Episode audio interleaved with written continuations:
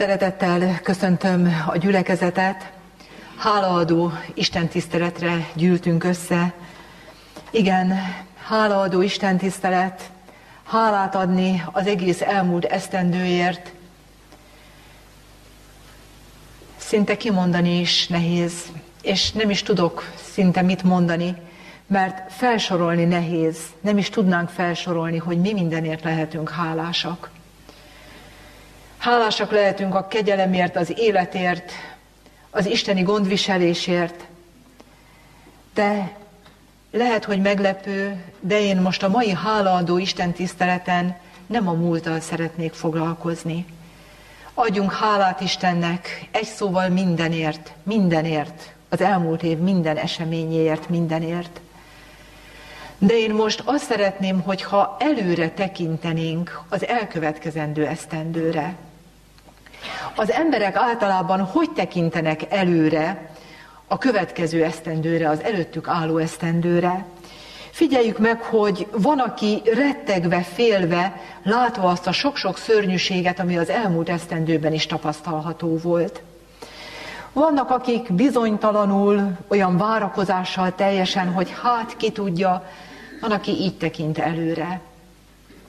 Van, aki, hát talán azt lehetne mondani, hogy felelőtlen bizakodással, hogy hát a világ történelmében mindig voltak mélypontok, mindig voltak nehézségek, de majd ezt is túléljük, majd kilábalunk belőle, minden majd szép és jó lesz. Van, aki így tekint előre. Van, aki elnézést struc politikát folytat, tehát nem akar tudomást venni semmiről, csak ne kelljen, ne kelljen gondolkodni, hogy mi lesz, csak a pillanata ma, igen, rengetegféle tekint, rengetegféle hozzáállás van, hogy ki hogy tekint az elkövetkezendő esztendőre. De én a mai hálaadó Isten tiszteleten azt szeretném, hogy mi hálával tekintsünk előre az elkövetkezendő esztendőre.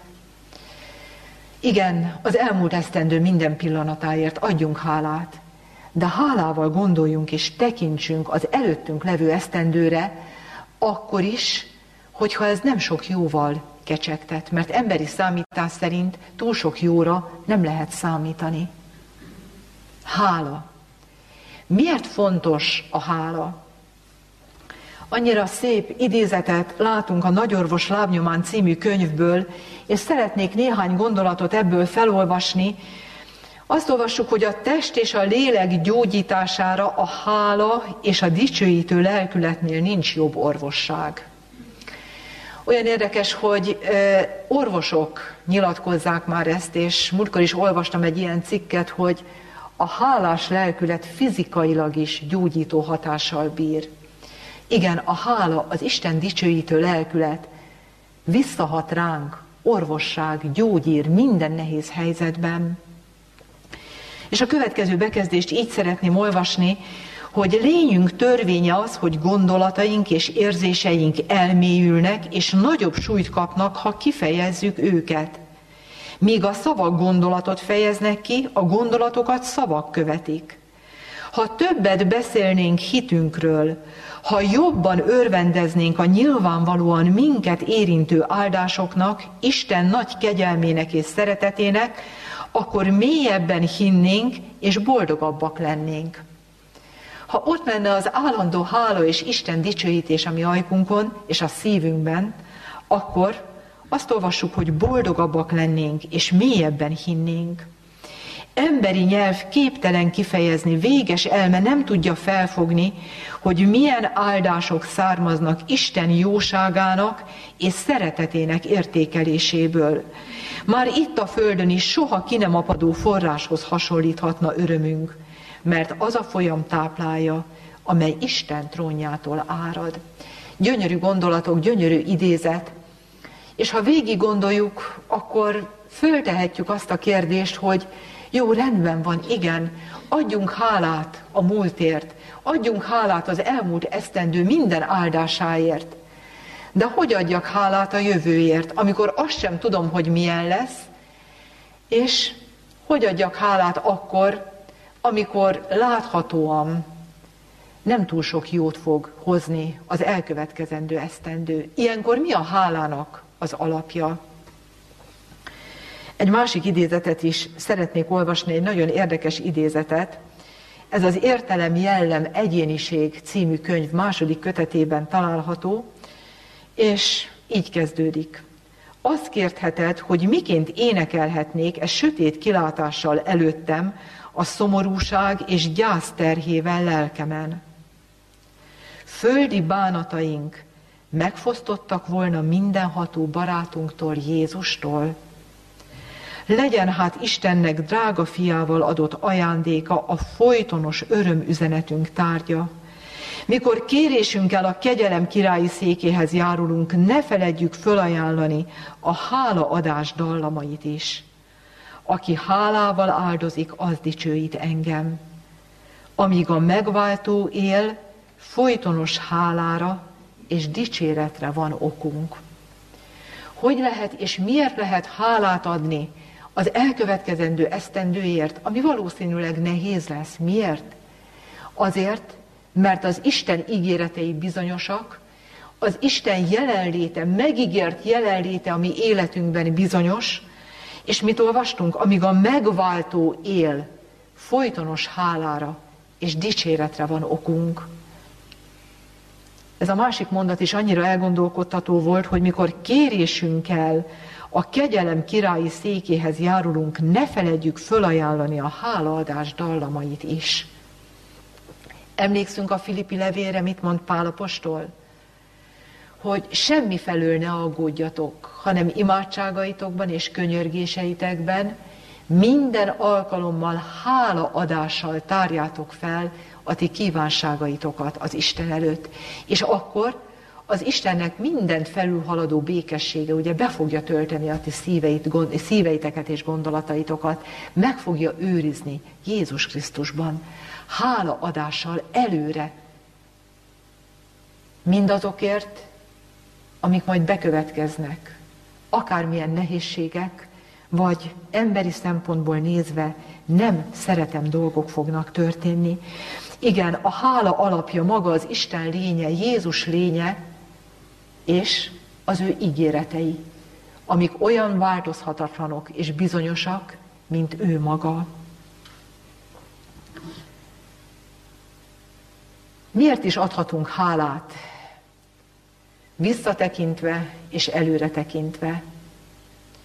Egyetlen egy gondolatot szeretnék megfogalmazni. Nem tudom, hogy ki ismeri azt az éneket, a régi énekes könyvben volt benne, hogy már egy hétnek újra vége, utunk újra rövidebb.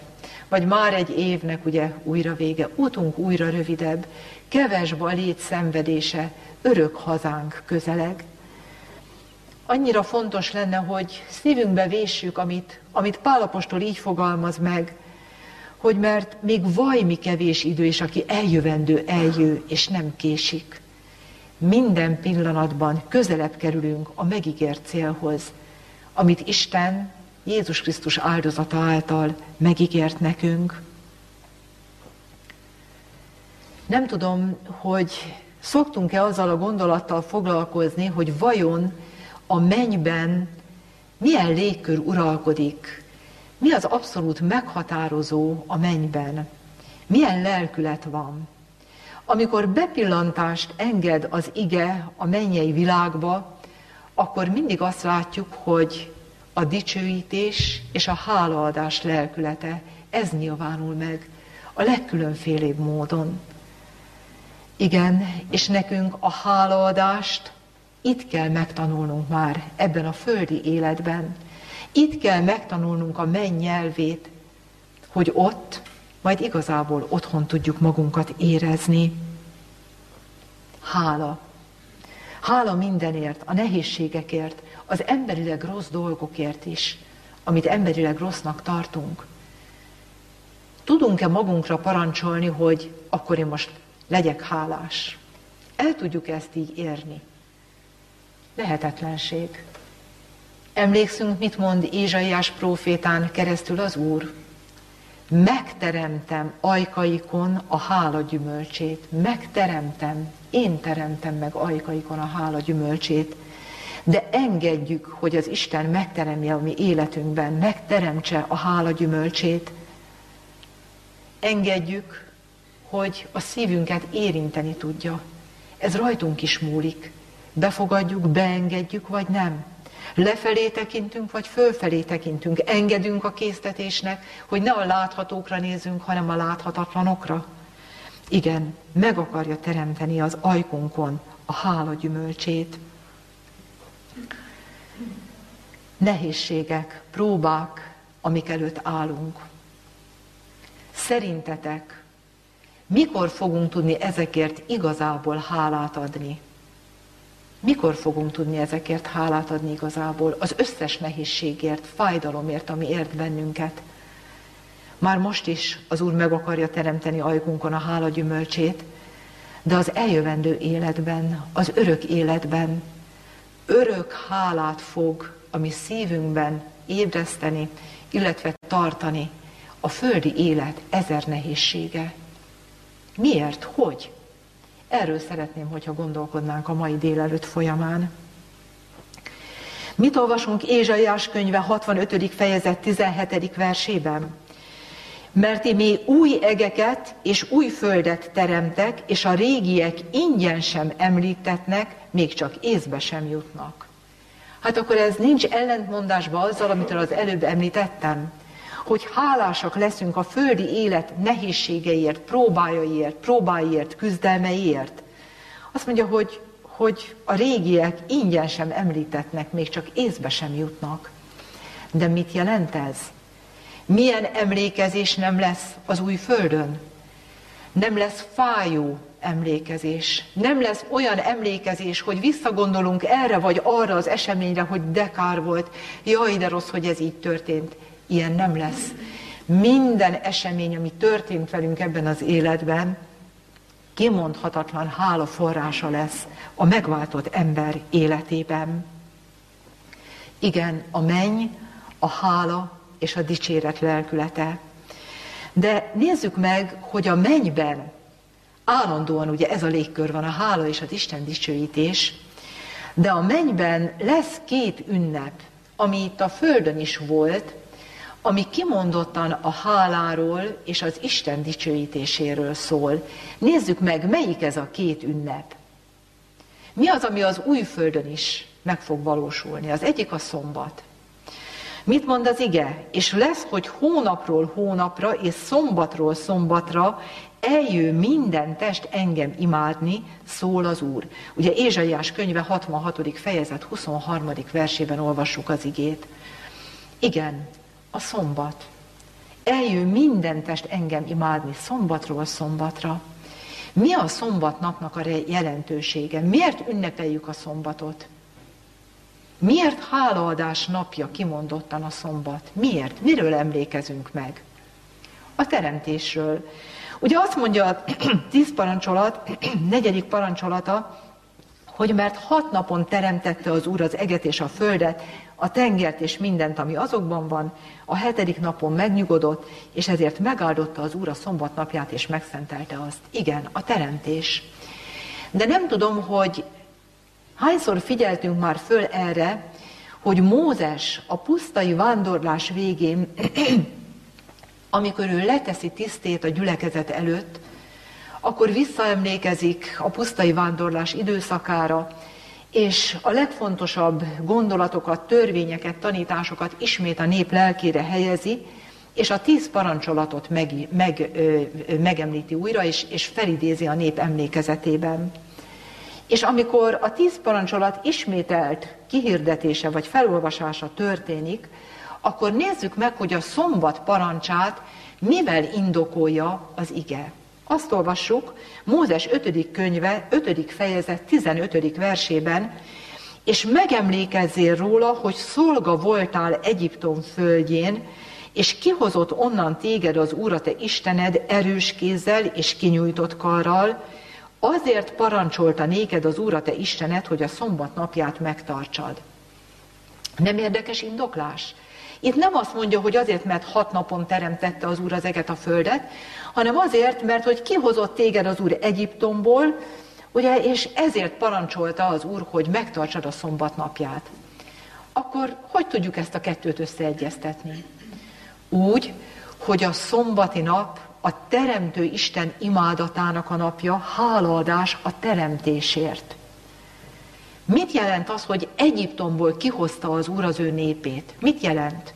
Ugye annak a népnek fizikai értelemben is az isteni szabadítás volt, de Egyiptom minek a jelképe? Egyiptom a bűnnek a jelképe. Amikor azt mondja, hogy kihoztalak téged Egyiptomból, ugye a szolgaság házából, akkor mire utal? Hogy kihoz bennünket a bűn fogságából. Emlékszünk a korintusi égére? Azt mondja a Pálapostól, hogy mert aki szólt, sötétségből világosság legyen, tehát utal a földi teremtésre, azt mondja, ő gyújtott világosságot a mi szívünkbe. Tehát mit mond Jézus a Nikodémussal való beszélgetésben? Mire van szükségünk? Újjászületésre. Újjászületésre. Ki végzi az ember életében el ezt az újjászületésnek a munkáját? Ugye az isteni hatalom, a Szentlélek teremtő ereje által. Tehát megemlékezünk szombaton a fizikai teremtésről, az újjáteremtésünkről, a bűnből való kihozatalunkról, és azon kívül Egyiptomból hogy hozta ki az Úr az ő népét? Csodákkal, teremtő hatalmánál fogva. Igen, a szombat a hálaadás napja a teremtésért, de nem csak a fizikai teremtésért, hanem az újjáteremtésért. Az Isten honnan emelt ki bennünket, miből szabadított ki bennünket, és az a rengeteg csoda, amit cselekedett a mi életünkben. És erre szombatról szombatra emlékezni fogunk. Állandóan, de a szombat az új földön is kiemelt módon a dicséret, a hálaadásnak, az örömnek az ünnepe lesz. Ez lesz az egyik ünnep, ami az örök életben is szombatról szombatra ugye ez az ünnep megvalósul. De lesz még egy másik ünnep, ami itt a Földön volt, és meg fog valósulni a mennyben, sőt, ott fog igazából megvalósulni. És ez melyik? Zakariás könyvéhez lapozzunk. Zakariás könyve 14. fejezet, 16. verse a következőt mondja. És lesz, hogy akik megmaradnak mind a ma népek közül, amelyek Jeruzsálem ellen jönnek, esztendőről esztendőre mind felmennek, hogy hódoljanak a királynak, a seregek urának, és megünnepeljék a sátorok ünnepét. Mit mond? Azt mondja, hogy lesz majd, hogy esztendőről esztendőre mind felmennek, hogy hódoljanak a királynak, a seregek urának, és megünnepeljék a sátorok ünnepét. Kettős profécia ez az akariási kijelentés, kettős profécia. Ugye részint a fogságból megszabadult és megújult nép életében bekövetkez, fog majd ez, vagy következett ez be, de előre mutat az újjá teremtett földre, az örök életre is előre mutat ez. Egész röviden néhány gondolattal nézzük meg, hogy mi is volt ez a sátoros ünnep. Egyáltalán az egész évi ünnepkört röviden tekintsük át, hogy mit volt Izraelben az ünnepeknek a jelentősége. Ugye egy év alatt az ünnepek folyamán a, má, a megváltásnak a legnagyobb eseményeire tekinthettek előre az izraeliták. Volt a tavaszi és az őszi ünnepkör. A tavaszi ünnepkörben a megváltás első szakaszára emlékeztek, tehát Jézus testetöltésére, itt végzett munkájára. Ugye a Pászka ünnep, ugye Jézus áldozata, Jézus halála, utána a harmadnapra a zsengekéve bemutatása, Jézus feltámadása, utána a pünkösd, a lélek kiáradása, amikor a Jézus által elhin, elvetett magvak kezdtek kikelni, tehát a Krisztusról szóló örömüzenet elkezdett terjedni. Ez volt a tavaszi ünnepkör. Utána jött az, az őszi ünnepkör, az ünnepkörnek ez a része, az őszi szakasza, amely kezdődött a kürdzengéssel, ami felhívta a figyelmet a nem sokára bekövetkező engesztelési napra, ami mi csoda, és ennek az idejében élünk most, ugye, a nagy engesztelési nap idejében, az ítélet, a bűnök eltörlésének az időszaka, az ítéletnek az, idő, az időszaka. Most ebben élünk. Tehát ez az ószövetségi ünnep is valósággá vált már a földi történelemben, ugye a történelmünkben. Most ebben élünk. De a sátoros ünnep mikor fog majd megvalósulni? Mi is volt ez a sátoros ünnep, és mikor fog ez megvalósulni, mert ez a valóságban még nem következett be, csak az Ószövetségben jelkép formájában ünnepelték ugye ezt az ünnepet. Elsősorban a sátoros ünnep egy betakarítási ünnep volt. Az év utolsó, legünnepélyesebb és leghosszabb ünnepe volt. Betakarították a terményeket, minden terményt, hálát adtak az Istennek az egész esztendőért, mindazért a jóért, amivel ellátta őket. Örömünnep, betakarítási ünnep. Azon kívül közvetlenül a nagy engesztelési nap után volt, hála és örömünnep volt. Miért? Mert a bűneik eltöröltettek, érezték a bűntől való felszabadulásnak az áldott érzését. Hála és örömünnep volt.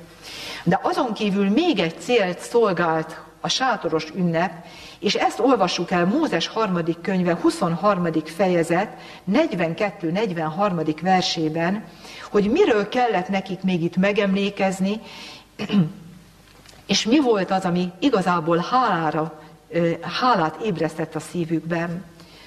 Azt mondja az ige, hogy sátorokban lakjatok hét napig, minden benszülött sátorokban lakjék Izraelben. Hogy megtudják a ti nemzetségeitek, hogy sátorokban lakadtam Izrael fiait, amikor kihoztam őket Egyiptom földjéről. Én vagyok az Úr, a ti istenetek. Mit kellett tenni ezen az ünnepen? El kellett hagyni az otthonaikat, és sátrakban kellett lakni, és mire kellett visszaemlékezni? A pusztai vándorlásnak a 40 éves időszakára. Vissza kellett emlékezni erre. Hadd kérdezzem meg, hogy miért volt ez ennyire kiemelt időszak Izrael népe életében a 40 év? Miért? Mert az Isten közvetlen vezetését tapasztalták, és az volt, ami vezette, irányította őket 40 éven keresztül. Nap mint nap az ő csodáival éltek. Erre az időszakra kellett nekik visszaemlékezni. De nézzük meg, hogy mi mindenre kellett visszaemlékezni. Nehémiás könyvéhez lapozzunk, és Nehémiás könyvéből sok igét szeretnék olvasni, mert amikor a fogságból való visszatérés után ugye a templom is újjáépült, és beindult ugye a vallási élet Izraelben, akkor Nehémiás idejében egy csodálatos sátoros ünnepet tartottak, és én ebből az fejezetből szeretnék, Nehémiás könyve 9. fejezetéből szeretném, hogyha néhány igét olvasnánk, hogy mire kellett nekik visszaemlékezni. Így olvasom. A 9-től 11 terjedő vers. Megtekintetted annak felette, ami atyáinknak Egyiptomban való nyomorúságát, és az ő kiáltásukat meghallottad a Verestengernél, és tettél jeleket és csodákat a fáraón és minden szolgáin és földének egész népén, mert tudtad, hogy kevélyen cselekedtek a te néped ellen, és szereztél magadnak nevet, mint a mai napon is van. És a tengert kétfelé választottad ő előttük, és szárazon mentek át a tenger közepén, üldözőiket pedig mélységbe borítottad, mint követ nagy vizekbe. Miről kellett megemlékezniük? Az Isten hatalmas csodájáról, amelyel a végleges szabadulást hozta az ő számukra. A végleges szabadulást, az üldözőiktől való végérvényes megszabadulás, és az igazi szabadságot hozta el az ő számukra. Erre kellett többek között megemlékezni. Aztán nézzük a 12. verset és felhőnek oszlopában vezetted őket nappal, és tűznek oszlopában éjjel, hogy megvilágosíts nekik az utat, amelyen menjenek. Mire kellett visszaemlékezni? Az isteni közvetlen vezetésre. Jézus ment a nép előtt, és mutatta nekik az utat. Védelmül is szolgált a tűz és a felhőoszlop, de vezetőül is szolgált az ő számukra. Nézzük meg tovább a 15. verset. Kenyeret az égből adtál nekik éjségükben, és vizet a kősziklából hoztál ki nekik szomjúságukban. És mondtad nekik, hogy menjenek be és bírják a földet, melyre nézve fölemeltet kezedet, hogy nekik adod. Tehát táplálta őket. Kenyerük és vízük nem fogyott el. Mannával étette őket, vízzel oltotta a szomjukat, és felemelte az ő kezét, esküvésre, hogy beviszi őket az ígéret földjére, Kánaánba. És ezek után olvassunk el még három Biblia verset ugyanitt a Nehémiás 9. fejezetében, a 16, elnézést, először Nehémiás könyve, ugyancsak a 9. fejezetből a 19, 20 és 21. vers első részét. És lehet, hogy meg fogunk lepődni először, hogy miért ismétli meg újra a hálaadás gondolatai között ezeket az igéket Nehémiás. Így olvassuk és te nagy irgalmasságodban nem hagytad el őket a pusztában, a felhőnek oszlopa nem távozott el tőlük nappal, hogy vezérelni őket az úton, és a tűznek oszlopa éjjel, hogy világítana nekik az úton, melyen mentek. És ha te jó lelkedet adtad nekik, hogy őket oktatná, és mannádat nem vontad meg szájuktól, és vizet adtál nekik szomjúságukban, és negyven esztendeig tápláltad őket a pusztában, fogyatkozásuk nem volt. Miért ismétli meg, minek a hátterén ismétli meg Nehémiás az isteni szeretetnek, gondoskodásnak és törődésnek ezeket a megnyilvánulásait? Olvassuk el az előzményeket a 16-tól a 18-ig terjedő versekben. Ők pedig, a mi atyáink, felfuvalkodtak, és megkeményítették nyakukat, és nem hallgatták parancsolataidat. És vonakodtak engedelmeskedni, és meg nem emlékeztek a te csudatételeidről, amelyeket velük cselekedtél, hanem megkeményítették nyakukat, és arra adták fejüket, hogy visszatérnek rabságukba, az ő makacskodásukban de te bűnbocsánatnak Istene vagy, könyörülő és irgalmas, hosszú tűrő és nagy kegyelmességű, és el nem hagytad őket. Sőt, még borjuképet is csináltak maguknak, és ezt mondták, ez a te Istened, aki kihozott téged Egyiptomból, és nagy bosszúsággal illettek téged. Miért döbbenetes, hogy a következő versek újból felidézik az Isten jó téteményét? Mert ilyen háttéren, amikor ennyi jót kaptak az Istentől, újból és újból fellázadtak, vissza akartak menni a rabságuk földjére, borjú képet csináltak, ez a te Istened. És az Isten mit csinált velük? Magukra hagyta? Ja, hát ha te ilyen vagy, hát akkor, hát akkor, akkor, én, akkor én nem törődöm veled. Ezt tette? Nem hanem azt mondja, a te irgalmasságodban nem hagytad el őket, a te nagy irgalmasságodban, és nem távoztál el tőlük. Mit mond? Ruháik le nem nyűjtek, lábaik meg nem dagadtak. Hol hordozta őket az Úr? A tüzes kígyók, skorpiók, mérges kígyóknak a pusztájában védte és óvta az ő népét. Igen, volt mire visszaemlékezni a sátoros ünnepen, de szeretném, hogyha ezeket a gondolatokat, amiket idáig megemlítettünk, most a saját életünkre vonatkoztatnánk, és szeretném, hogyha végig gondolnánk azt, hogy mikor is fog bekövetkezni a sátoros ünnep, és mit jelent ez a mi számunkra lelki értelemben. A sátoros ünnep Jézus Krisztus visszajövetelekor fog majd bekövetkezni. Amikor Jézus megígérte, hogy visszajön az övéiért, és magához veszi azokat, akik itt a földön elfogadták a nekik felkínált kegyelmet. A sátoros ünnep a mennyben lesz. És hadd kérdezzem meg, hogy mi mindenre fogunk visszaemlékezni a sátoros ünnepen. Mindarra, amire az izraelitáknak itt a földi életben kellett emlékezni. Nézzük meg, Röviden összefoglalva a lelki lényegét ennek az ünnepnek, mit mondtunk? Betakarítási ünnep volt. Minden terményt betakarítottak. Hadd kérdezem meg Jézus eljöveteléről, mit mond a Szentírás? Mit mond a Szentírás? Kiket fog elküldeni majd Jézus? Az aratókat. És egybegyűjtik a gabonát, csűrbe takarítják. Mit jelent ez?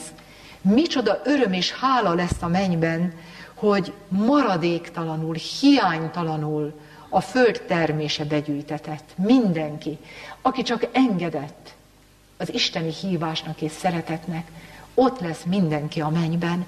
Micsoda öröm lesz azt látni, hogy akikért fáradoztunk, ha csak, egy, ha csak keveset is tudtunk tenni, vagy többet, de láthatjuk, hogy, hogy ott vannak ők is a mennyben Hadd kérdezem, öröm lesz ez? A Biblia azt mondja, hogy olyan öröm, azt mondja, hogy az Úr megváltattai újjongás között fognak majd a mennybe menni. Betakarás, betakarítási ünnep. Igen, aki vető magvát, most sírva emelve megy tovább, mit mond? Vigadozással fog előjönni kévéit emelve. Igen, ezt tanítja a sátoros ünnep egyik, jel, egyik vonás, egyik része, egyik, egyik vonatkozása. Mit mond?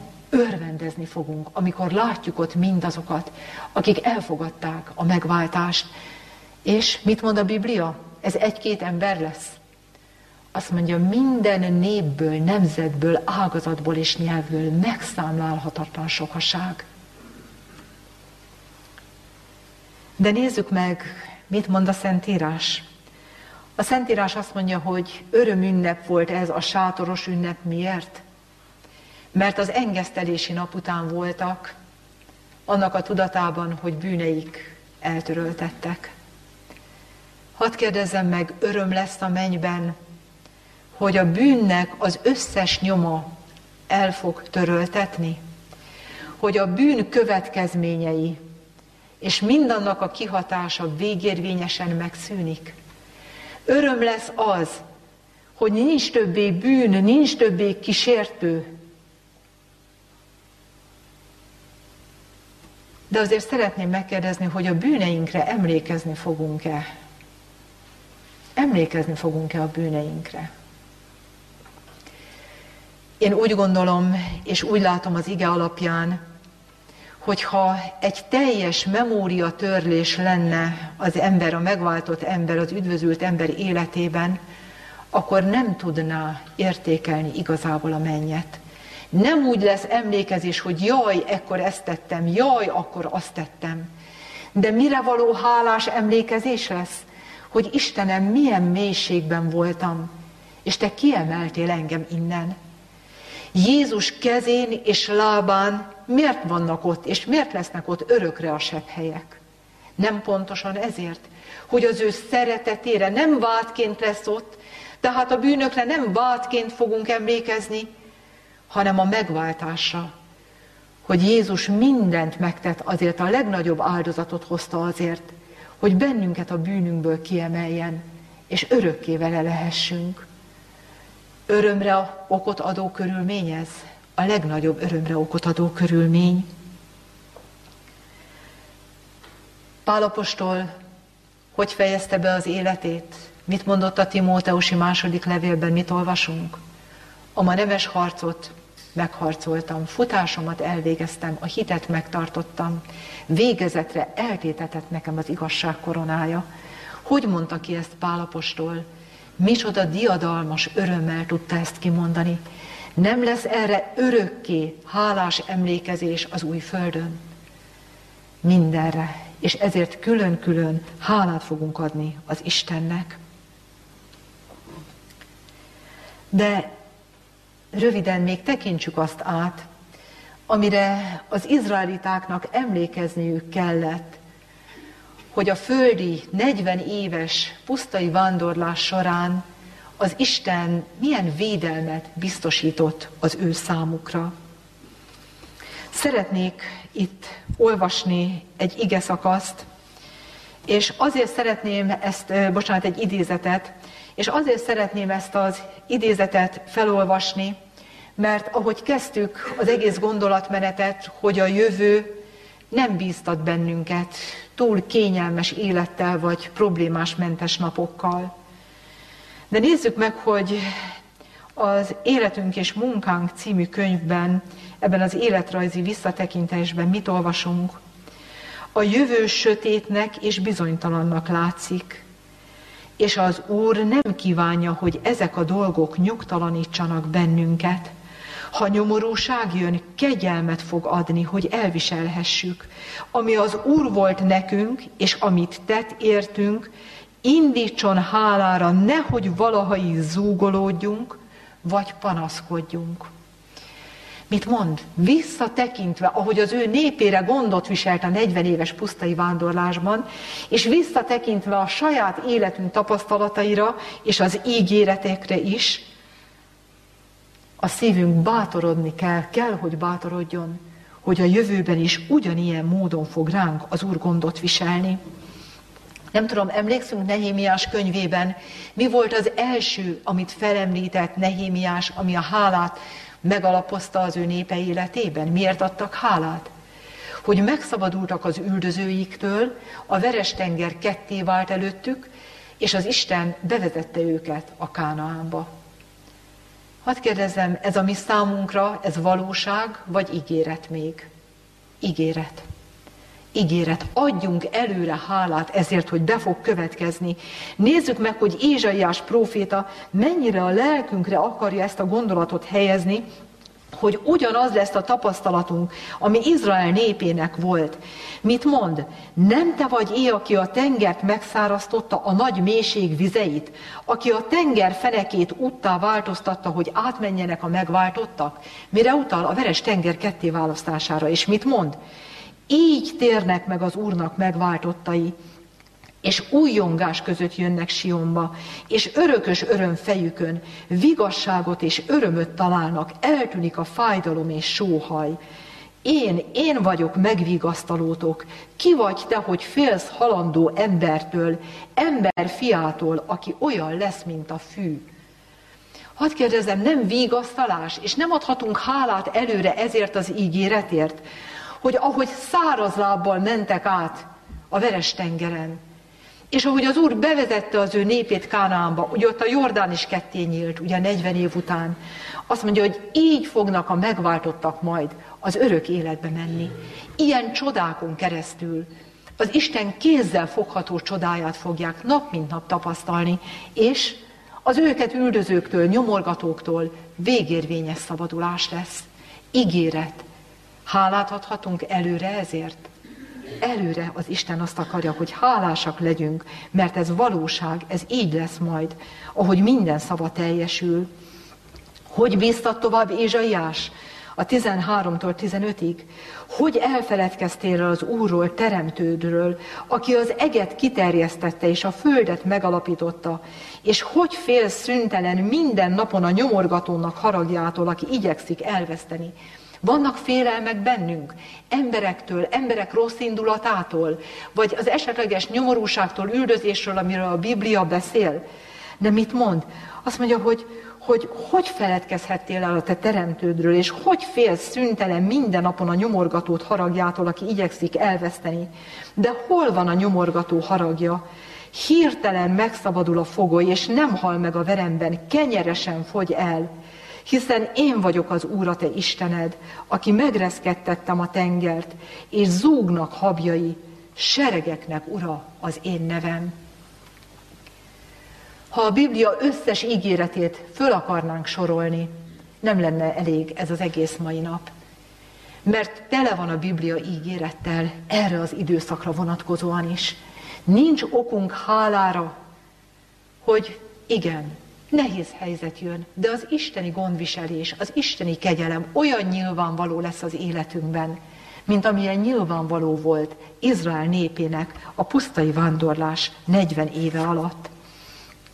Azon kívül milyen ígéretünk van? Ézsaiás könyve negyedik fejezetében mit olvasunk erre az időre vonatkozóan? Hogy ahogy az Úr felhő és tűzoszlopban vezette az ő népét, azt mondja, így lesz majd védelmül és vezetőül az Úr az ő népe életében, a végső idők nehézségeiben. Nem tudom, hogy végig gondoltuk-e, és nézzük meg ezt a párhuzamot. Az a nép honnan tudta volna, hogy mikor hova kell lépni? Honnan tudta volna? Hol kell lesátorozni? Mikor kell tovább menni? Mit tud? Semmi, hát ismeretlen, bolyongtak ott a puszta, nem tudták. Az Úr vezette őket. Nem tudom, hogy ti gondolkodtatok már azon, hogyha az előttünk álló időben akár menekülni kell, ki tudja, milyen nehéz helyzet lesz, hova fogunk menni, mit csinálunk. Nem tudom, gondolkodtatok már ilyen helyzet, dolgokon? Minek? Elnézést, hogy ezt mondom, minek? Mit ígért meg az Úr? Felhő és tűz oszlopban fogja az ő népét vezetni, utat fog mutatni. Nem előre mutatja meg, nem most írja le nekünk, hogy te ide mész, majd te vele. Nem, akkor, ahogy Izrael népének. Ígéret ez? Megkönnyebbülés ez az ember számára? Nem adhatunk előre hálát ezért, hogy Urunk, a legnagyobb nyomorúságokban is köszönjük, hogy velünk leszel, és utat fogsz mutatni, és védelmet fogsz nekünk adni. De gondoljunk például arra, hogy én lehet, hogy abszolút lényegtelen dolognak tűnik, de azért ugye az ember végig gondolja, hogy a pusztában vándoroltak 40 évig, ugye a saruik, a ruháik, a stb. Szóval hát azért, szóval mi volt ott 40 évig? Mit olvastunk? A ruháik nem nyűjtek el, lábaik nem dagadtak meg, a sarujuk nem kopott le az ő lábukról. Nem tudjuk, hányszor merülnek fel olyan apró kérdések, hogy igen, hát hú, de hát ez hogy lesz, vagy az hogy lesz. Ahogy az ő ruháik nem nyűjtek el, és a lábaik meg nem dagadtak. Isten ugyanígy fog rólunk is gondot viselni. Még egyszer kérdezem, nincs okunk előre hálát adni? Azon kívül miért adtak még hálát? Mert a skorpiók és mérges kígyók pusztájában vezette őket az Úr. Mit jelentett ez? Hogy rengeteg veszélyt elhárított tőlük, amit ők nem is láttak. Egyszer vette el az Úr az ő védő kezét a sok lázangásuk miatt, és akkor mi történt? Haltak meg az emberek a kígyó marás miatt. Nem fogták föl, hogy a pusztai vándorlásuk minden napja ebből is egy csoda, hogy soha senkit nem martak meg azok a kígyók. Szerintetek ez a fajta gondviselés csak az ő életükben volt, vagy a mi életünkben is így van ez? Ha a múltra is visszatekintünk, valóban csoda, hogy élünk. És nem is tudjuk, hogy az Isten mi mindent hárított el. És hogy mi mindent fog elhárítani, ezt majd a mennyben fogjuk igazából megtudni, hogy hogy védett és óvott bennünket. Szeretnék egy idézetet olvasni megint, a következőt, így olvasom. Mindenben hálákat adjatok, ez a Nagyorvos Lámnyomán című könyvből idézi a Tesszalonikai Levél első Tesszalonikai Levél 5. fejezet 18. versét. Mindenben hálákat adjatok, mert ez az Isten akarata a Krisztus Jézus által ti hozzátok. És most figyeljük ezt az egy mondatot, amit magyarázatként van. Ez a parancs egyben biztosíték is, szavatolja, hogy még a látszólag ellenünk szóló dolgok is javunkra szolgálnak. Isten nem kéri, hogy legyünk hálásak azért, ami árt nekünk. Márpedig hogy szól a felhívás? Mindenben hálákat adjatok. Mindenben. Ami nehézség, baj, probléma, veszteség, bár csalódás, bármi, hálát adjunk. Mert az Isten nem kéri, hogy a nekünk ártó dolgokért hálát adjunk. Mert ezekről a dolgokról majd meg fogjuk látni a mennyben, hogy a mi életünknek a legfontosabb szakaszai voltak, amikor a nehézségek, a bajok ott voltak az életünkben. És meg fogjuk látni, hogy ezek mind szükségesek voltak ahhoz, hogy mi el tudjuk érni a végcélt. Hálát fogunk adni a mostani legnagyobb nehézségekért. Úgy elgondolkodtam ezen, és nem tudom, hogy mi a véleményetek. Erről nincs szó a Bibliában, de azért úgy el tudjuk képzelni a választ azért erre a kérdésre, hogy szerintetek József, amikor ott voltak már a testvérei, a család is oda került, stb. ugye Fáró mellett ugye a legnagyobb ember lett, ugye az Isten felhasználta őt, hogy, hogy az egyiptomi népet is, de egyáltalán a környező népeket, a családját is ugye megszabadította. Szerintetek József mennyi ideig kesergett és panaszkodott, hogy jaj, de igen, de a múltban mi történt velem? Hányszor említette föl? Szerintem egyetlen egyszer sem. Hanem hálás volt a börtönévekért, mert onnan indult el tulajdon, nem onnan indult el, de az is egy fontos láncszem volt az ő, a családja és a nép megmentése érdekében. És így fogjuk majd igazából látó szemekkel, amikor már nem tükör által homályosan látunk, hanem megértjük az isteni gondviselésnek az ezer jelét, ami életünkben. Igen, igazi hála lesz a szívünkben azokért a nyomorúságokért, amelyeket most el kell hordoznunk ebben az életben. Hogy, hogy olvastuk? Zakariás könyvében. És lesz, hogy akik megmaradnak mind a ma népek közül, amelyek Jeruzsálem ellen jönnek, esztendőről esztendőre mind felmennek, hogy hódoljanak a királynak, a seregek urának, és megünnepeljék a sátorok ünnepét. Milyenek vagyunk a mi hálánkkal. Valaki tesz nekünk valamit, hálásak vagyunk, de telnek az évek, múlnak az évek, és egy idő után mi lesz az emberi hálával? Hát úgy kicsikét megkopik, úgy kicsikét úgy már megszokott, ugye? Hát igen, ez volt. De ez a hála csak folyton nőni és növekedni fog.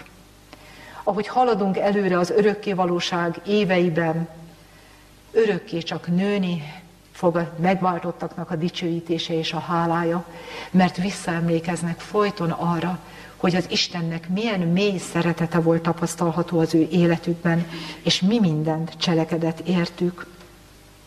Öröm. Sőt, ki kell, hogy mondjuk azt, hogy nagyobb örömünk lesz, és nagyobb hálánk lesz, mint az el nem bukott lényeknek. Nagyobb. Mit mond Lukács evangéliuma? Mondom nektek, hogy így módon nagyobb öröm lesz a mennyben egy megtérő bűnösön, hogy nem 99 igaz emberen, akinek nincs szüksége megtérésre. Már a mennyben is micsoda öröm van egy bűnös ember megtérésén. Akik soha nem vesztek el, hálásak, és szívük mélyéből dicsőítik az Istent. De mi, akik elvesztünk, de megtaláltattunk, olyan kapcsolat fog fűzni, és olyan kapocs fog bennünket összekapcsolni Jézussal és az Atyával, amely nincs az angyalok és az el nem bukott lények között, mondom, közöttük is hihetetlenül mély a kapcsolat. De a megváltás, a földi életnek ezek a tapasztalatai örökre egybeolvasztanak bennünket ő vele. És én azt kívánom, hogy így tekintsünk az előttünk álló esztendőre, hálával a szívünkben. Hálával, hogy mindaz, amit az Úr meg fog engedni a mi életünkben, a mi javunkat szolgálja, az örök életünket szolgálja majd. És gondoljunk előre arra, hogy ezekért majd, amikor hónapról hónapra és szombatról szombatra eljövünk, hogy imádjuk őt, és amikor évente felmegyünk a sátoros ünnepre, ahogy Zakariás könyvében olvassuk, ezekért kibeszélhetetlen öröm és hála lesz a szívünkben. És én ezt kívánom, hogy így előre tekintsünk, ne a láthatókra, hanem a láthatatlanokra nézve, ez adjon nekünk erőt és hálát az elkövetkezendő év minden napján. Amen. Menjen jó atyánk, kegyelmes Istenünk, szívünk mélyéből szeretnénk köszönetet és hálát mondani neked az egész elmúlt esztendőért. Köszönjük neked, Istenünk, hogy te velünk voltál, megtartottál, a nehéz helyzetekben is adtál nekünk erőt, vígaszt. Köszönjük neked, hogy amikor körülöttünk és az egész világban akkor a hatalmas nyomorúság van, akkor te a védőkezedet felettünk tartottad. Urunk, ne enged, hogy természetesnek tegyük ezt, vegyük ezt. De Istenünk, arra szeretnénk téged kérni, hogy adjál nekünk szüntelenül hálás lelkületet, és segíts, hogy hálával tudjunk előre tekinteni az elkövetkezendő esztendőre.